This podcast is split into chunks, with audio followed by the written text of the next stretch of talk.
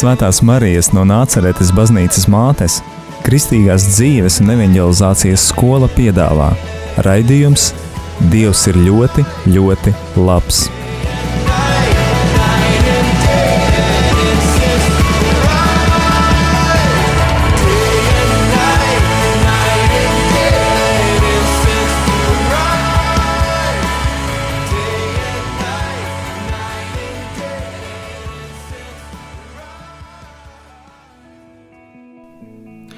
Slavēts Jēzus Kristus.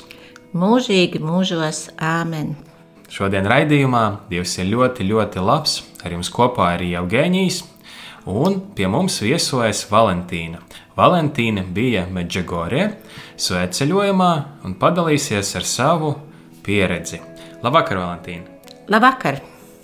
Valentīna, pirms sākam runāt par Medžugorju, varbūt jūs varat arī īsumā padalīties par savu sastapšanos ar Dievu. Kas bija tas, kā Dievs, kas bija tas, kas jūs uzrunāja visvairāk, un, un kurā brīdī jūs sajutāties īpaši mīlēt? Kad biju maziņa, es ļoti, ļoti ticēju Dievam. Es raudāju, kad mani mamma ne- neņēma līdzi uz baznīcu. Maza būdama nespēja veikt kājām tos septiņus kilometrus. Bet pēc tam nāca skolas gadi, nāca komjaunatnes gadi, pirms tam vēl, protams, bija oktobrēna un pioniera gadi, un es kaut kā no baznīcas, no ticības atsvešinājos. Un vēl bija tāda lieta, ka man lika iet uz baznīcu. Un tas, kas nav no sirds, tas nu, tā nenostrādā. Un tāpēc es arī tos savus tādus jaunības gadus no baznīcas biju diezgan tālu. Diezgan tālu. Mama par mani lūdzās, un es dzīvoju mierīga, jo mātes lūgšanas ir ļoti, ļoti svētīgas un vērtīgas. Jā, protams, es pati arī reizēm aizgāju uz baznīcu, nokrustīju savus bērnus, braucu uz lielajiem svētkiem Aglonā 15. augustā, bet tas bija arī viss. Nu, un tad, kad mamma nomira, kad šis labais eņģelis, kas par mums lūdzās, nomira, tad es attapos. Tad nu bija jāsāk lūgties man pašai. Un ne tikai attapos tāpēc, ka mamma nomira, bet tāpēc, ka arī veselība jau bija sašķobījusies. Un lai, lai dzīvotu, lai izdzīvotu, lai pārvarētu to, kas man bija, man bija jāpievēršas baznīcai, jāpievēršas dievam. Kā Dievs jums ir palīdzējis šajā situācijā? Ļoti, ļoti, ļoti, ļoti daudz. Kad man bija 57. dzimšanas diena, tajā naktī Dievs man ļāva piedzimt otrais. Jo es jau tajā naktī biju sagatavojusies uz vissliktāko, uz visļaunāko. Un tā kā mani pāršauca karstuma vilnis, kad Dievs man pieskārās, kad Dievs mani atdzīvināja, es piedzimu otrais. Un drīz būs pagājuši desmit gadi, kad es turoties Dievam pie rokas, gan reizēm izraujot savu roku no Dieva rokas, pašas spēkiem skrienu uz priekšu, bet vienmēr mani Dievs ir satvēris tad, kad es esmu paklupusi, kad es esmu saukusi uz viņu, kad es lūgusi un pat brēkusi pēc viņa palīdzības. Ja drīkst jautāt, jā, jūs pieminējāt, ka jūs atgriezāties pēc, pēc mammas nāves, un tad šo skaisto brīdi, kad Dievs ir palīdzējis, kāds bija ceļš līdz šim brīdim? Pirmais vārds, kas man nāk prātā - šķīstītava.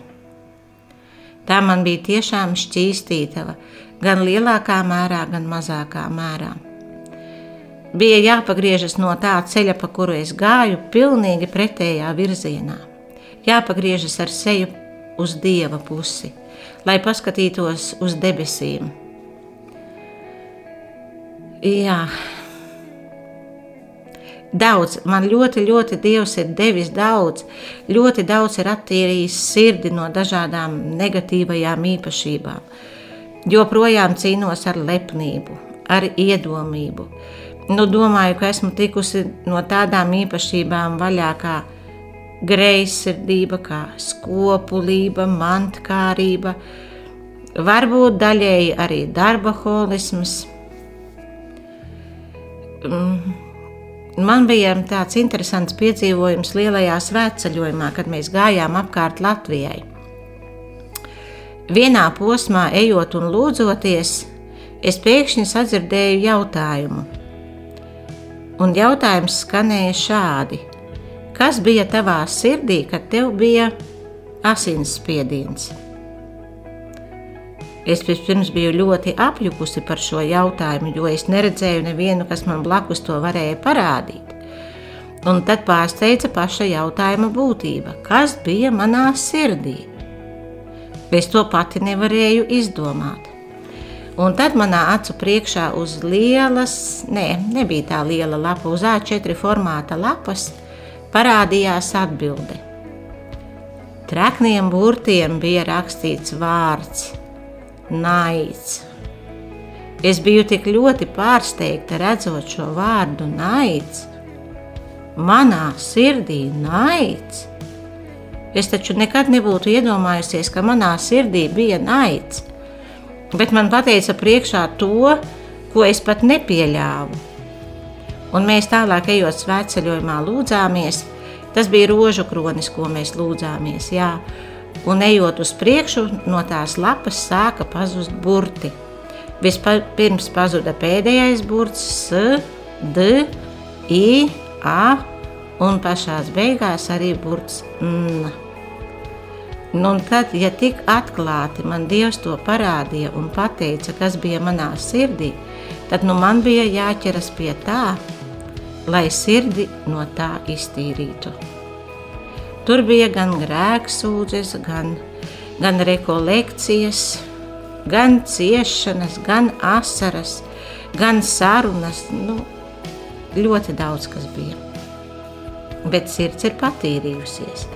Nevaru teikt, ka varbūt tā ir pilnībā tīra palikusi, bet nu, ļoti daudz kas no tās, kas nebija vajadzīgs, ir izmests ārā. Un šobrīd mēs turpināsim ar pēdējo sveceļojumu, kas ir noticis pavisam nesen uz Medžugori. Pastāstiet, Valentīna, kad tas bija un pēc kā jūs braucāt? Svētceļojums bija nesen, tiešām tas bija oktobra, oktobra beigās, no 22. oktobra līdz 29. oktobrim. Pēc kā es braucu, jā, Es jau iepriekšējā daļā minēju par to naidu, kas valdīja mūsu savstarpējās attiecībās, par atselumu vienam pret otru, pret, par neiejūtību ģimenē, dzimtā. Un mans mērķis šoreiz bija braukt uz Meģugoriju pēc mīlestības. Kad es biju arī Ukrainā misionāru kursos, Es tur ļoti daudz lūdzos un lūdzu Dievam tikai vienu - mīlestību, mīlestību, mīlestību. Un šoreiz uz Meģugoriju es braucu tikai pēc mīlestības, mīlestības un mīlestības.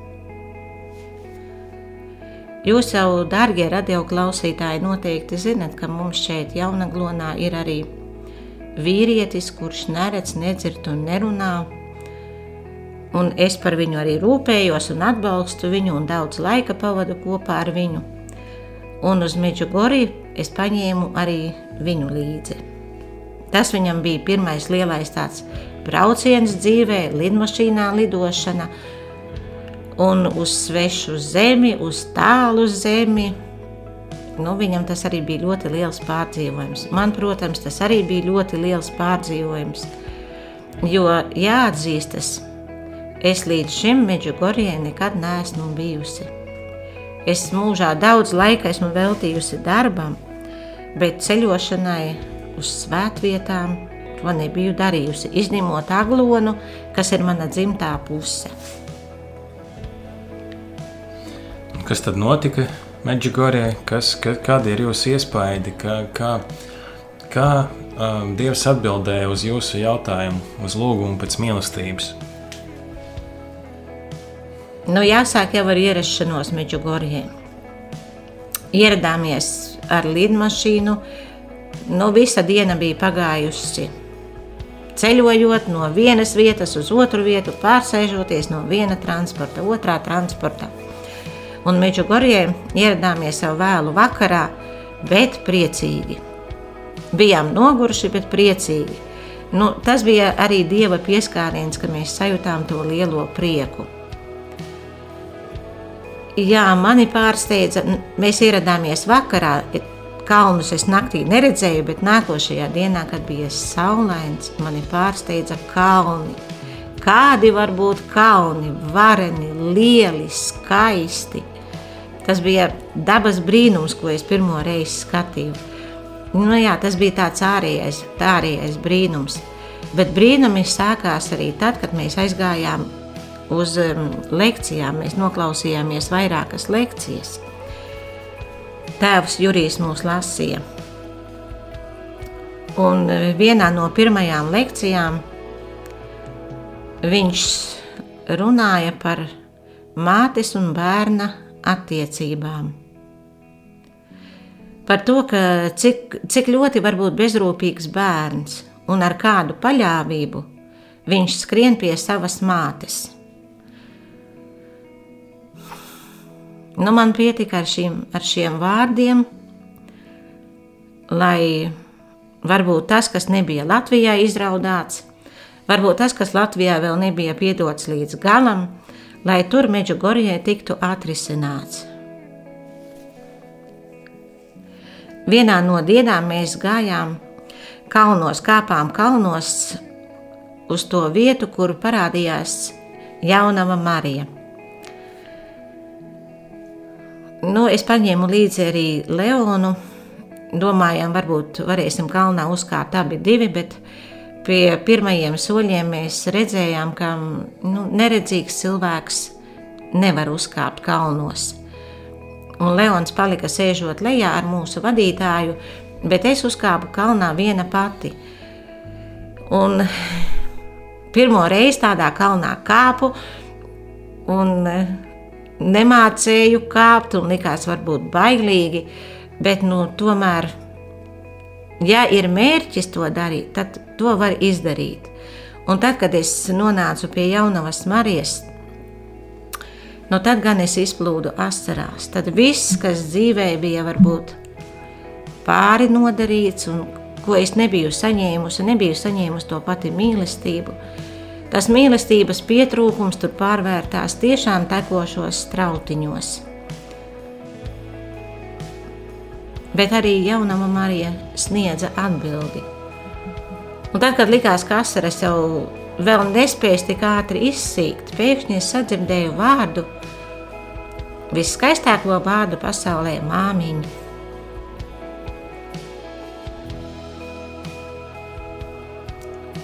un ieraudzīju arī savām gara acīm, ieraudzīju meiteni, kas paceltām rokām skrien pretī māmiņai. Varbūt tā meitene biju arī es. Kāpiens no kalna bija vieglāks, jo šī nasta Šī bērnības nasta bija atstāta tur kalnā, kaut gan kāpēc nedroši, jo par tādiem akmeņiem nu, mēs Latvijā neesam pieraduši kāpt. Nu, lejā gaidīja mūsu vadītāja, un Leons tur bija. Un Meģugorijē es tā skaidri sapratu, ka gan es, gan Leons, mēs mm, mūsu dzimtās, varbūt ģimenēs bijām tie, atstumtie bērni. Viņam bija problēmas ar, ar redzēšanu, ar dzirdēšanu, ar runāšanu. Varbūt arī viņš ģimenē netika tik daudz saprasts, cik vajadzētu. Bet nu, šīs dienas, kas, ko mēs pavadījām Meģugorjā, bija ļoti, ļoti svētīgas, dieva piepildītas. Un man pat jāsaka, es Leonu nepazinu. Es viņu tādu, kāds viņš bija Meģugorjē, nepazinu. Viņš bija priecīgs, viņš bija atraisīts, viņš bija runātīgs. Nu, cik nu, ne, nerunājošs cilvēks var būt runātīgs? Ja? Viņš runāja ar žestiem vairāk, arī ar skaņām viņš un ar burtiem daudz runāja. Un tās ļoti iejūtīgas likās. Nu, dieva tuvums un dieva klātbūtne viņu bija arī ļoti pārveidojusi. Un par ko es vēl brīnījos? Viņš nāca man līdzi uz lekcijām. Bija lekcijās, nelikās, ka viņu tas apgrūtina. Viņš gāja uz vakara programmām, kas ilga trīs stundas un arī tur viņš nejūtās apgrūtināts, ka viņš nedzirdīgs, viņam vienkārši jānosēž tas laiks. Nē, viņš to darīja labprātīgi.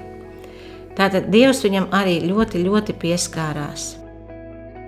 Un šobrīd dodamies nelielā muzikālā pauzē, pēc kuras Valentīna turpinās stāstīt par pieredzējumiem sveceļojumā uz Medžugorju.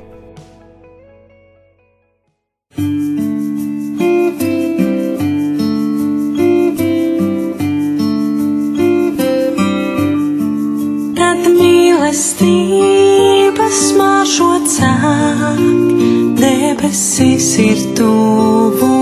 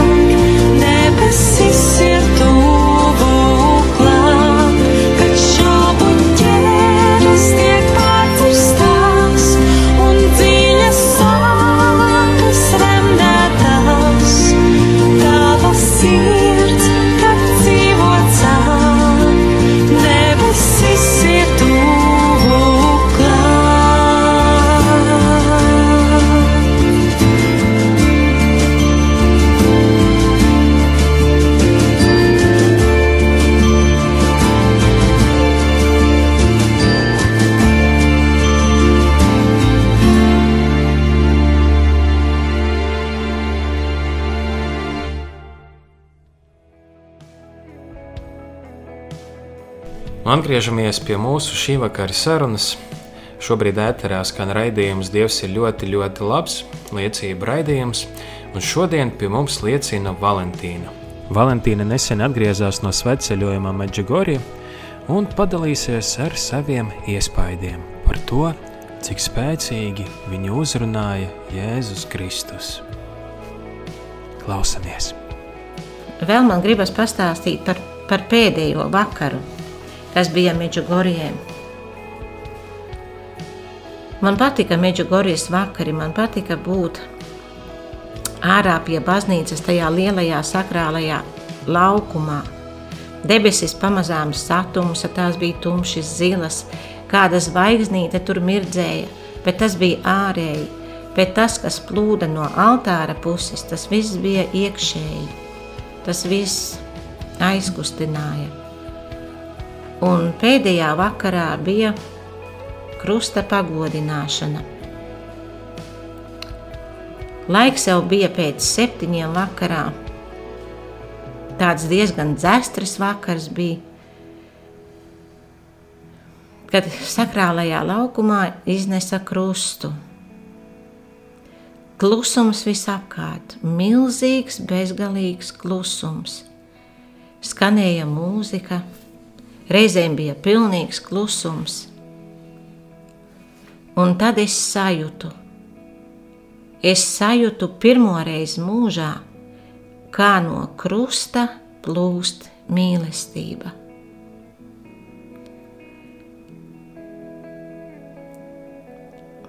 Tā plūda un plūda, plūda un plūda, un Jēzus teica: Ņemiet, ņemiet, cik jūs varat paņemt, ņemiet, cik jūs varat panest, es jums dodu, ņemiet manu mīlestību. Un es paņēmu, es tiešām paņēmu, tik cik es spēju, cik, tik, tik cik tā varēja ieplūst manī, un tik cik es varēju to mīlestību panest. Es biju mīlestības pārpildīta. Man liekas, ka ne tikai no krusta mīlestība plūda, bet arī jau no manis plūda mīlestība. Arī no Leona plūda mīlestība.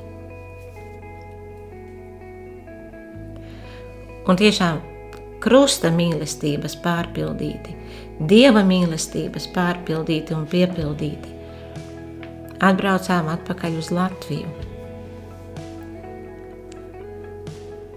Un tad vienā no dienām vēl grābām lapas šeit, Jaunaglonā. Un man tāda tik ļoti liela vēlme aiziet uz kapelu pie krustā sistā Jēzus. Pārtraucām darbu, un es iegāju kapelā. Es apsēdos, un es atkal jūtu, kā no krusta plūst mīlestība.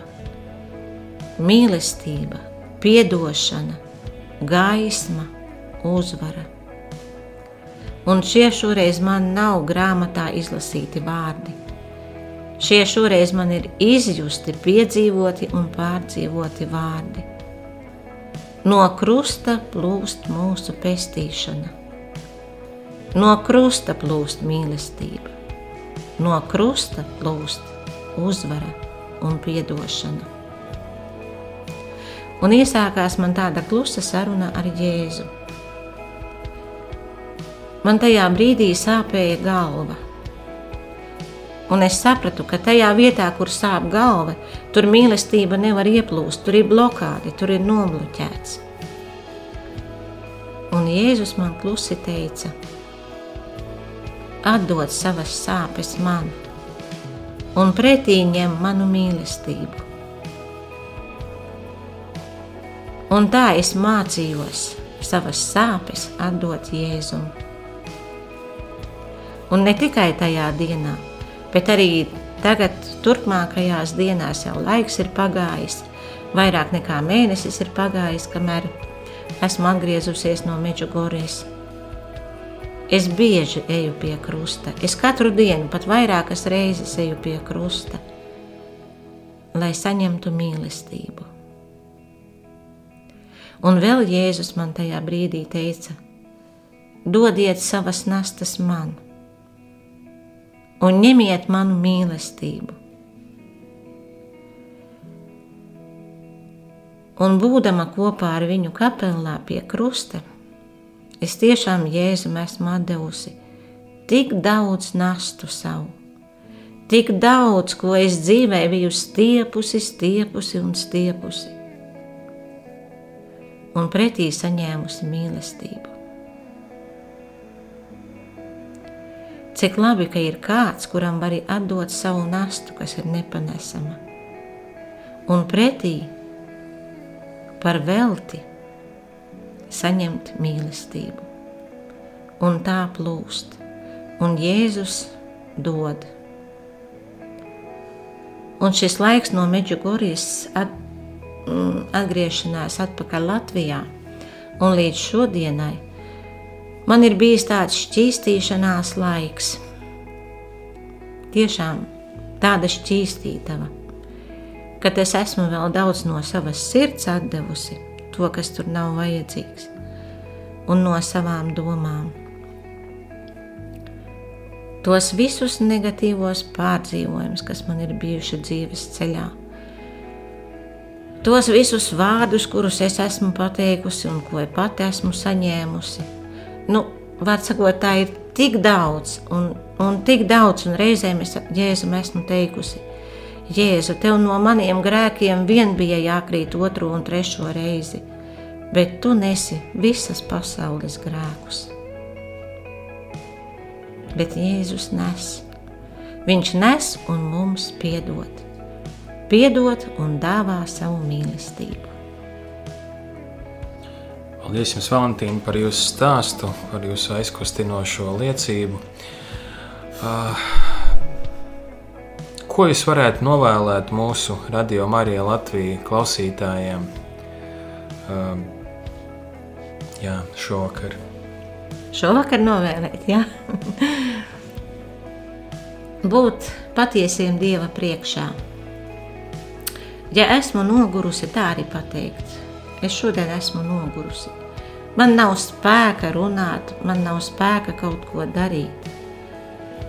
Uzticēties Dievam, atdot savu, savu egoismu, to, ka es varu, ka es protu, to atdot Dievam. Jo es neko nevaru un es neko neprotu bez Dieva. Dievs man palīdz. Un tāpatās arī ar Leonu strādājot.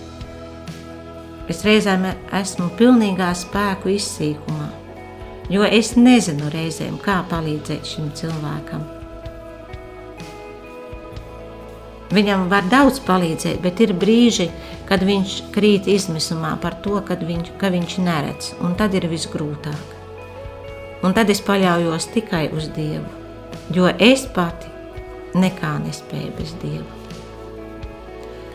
Paldies jums par skaisto liecību, par skaisto novēlējumu. Lai Dievs jūs svētī un sargā.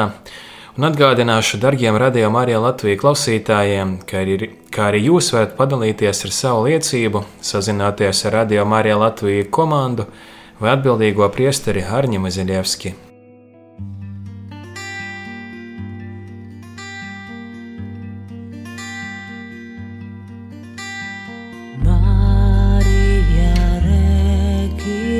amor.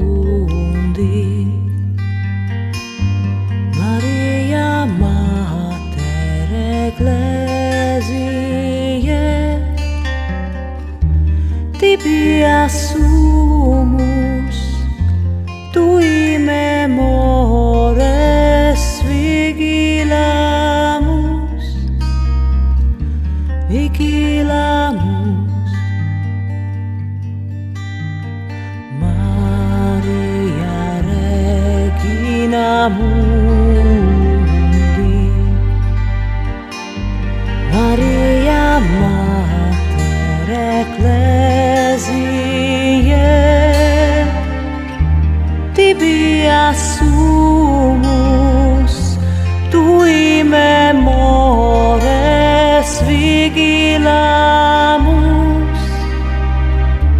begin.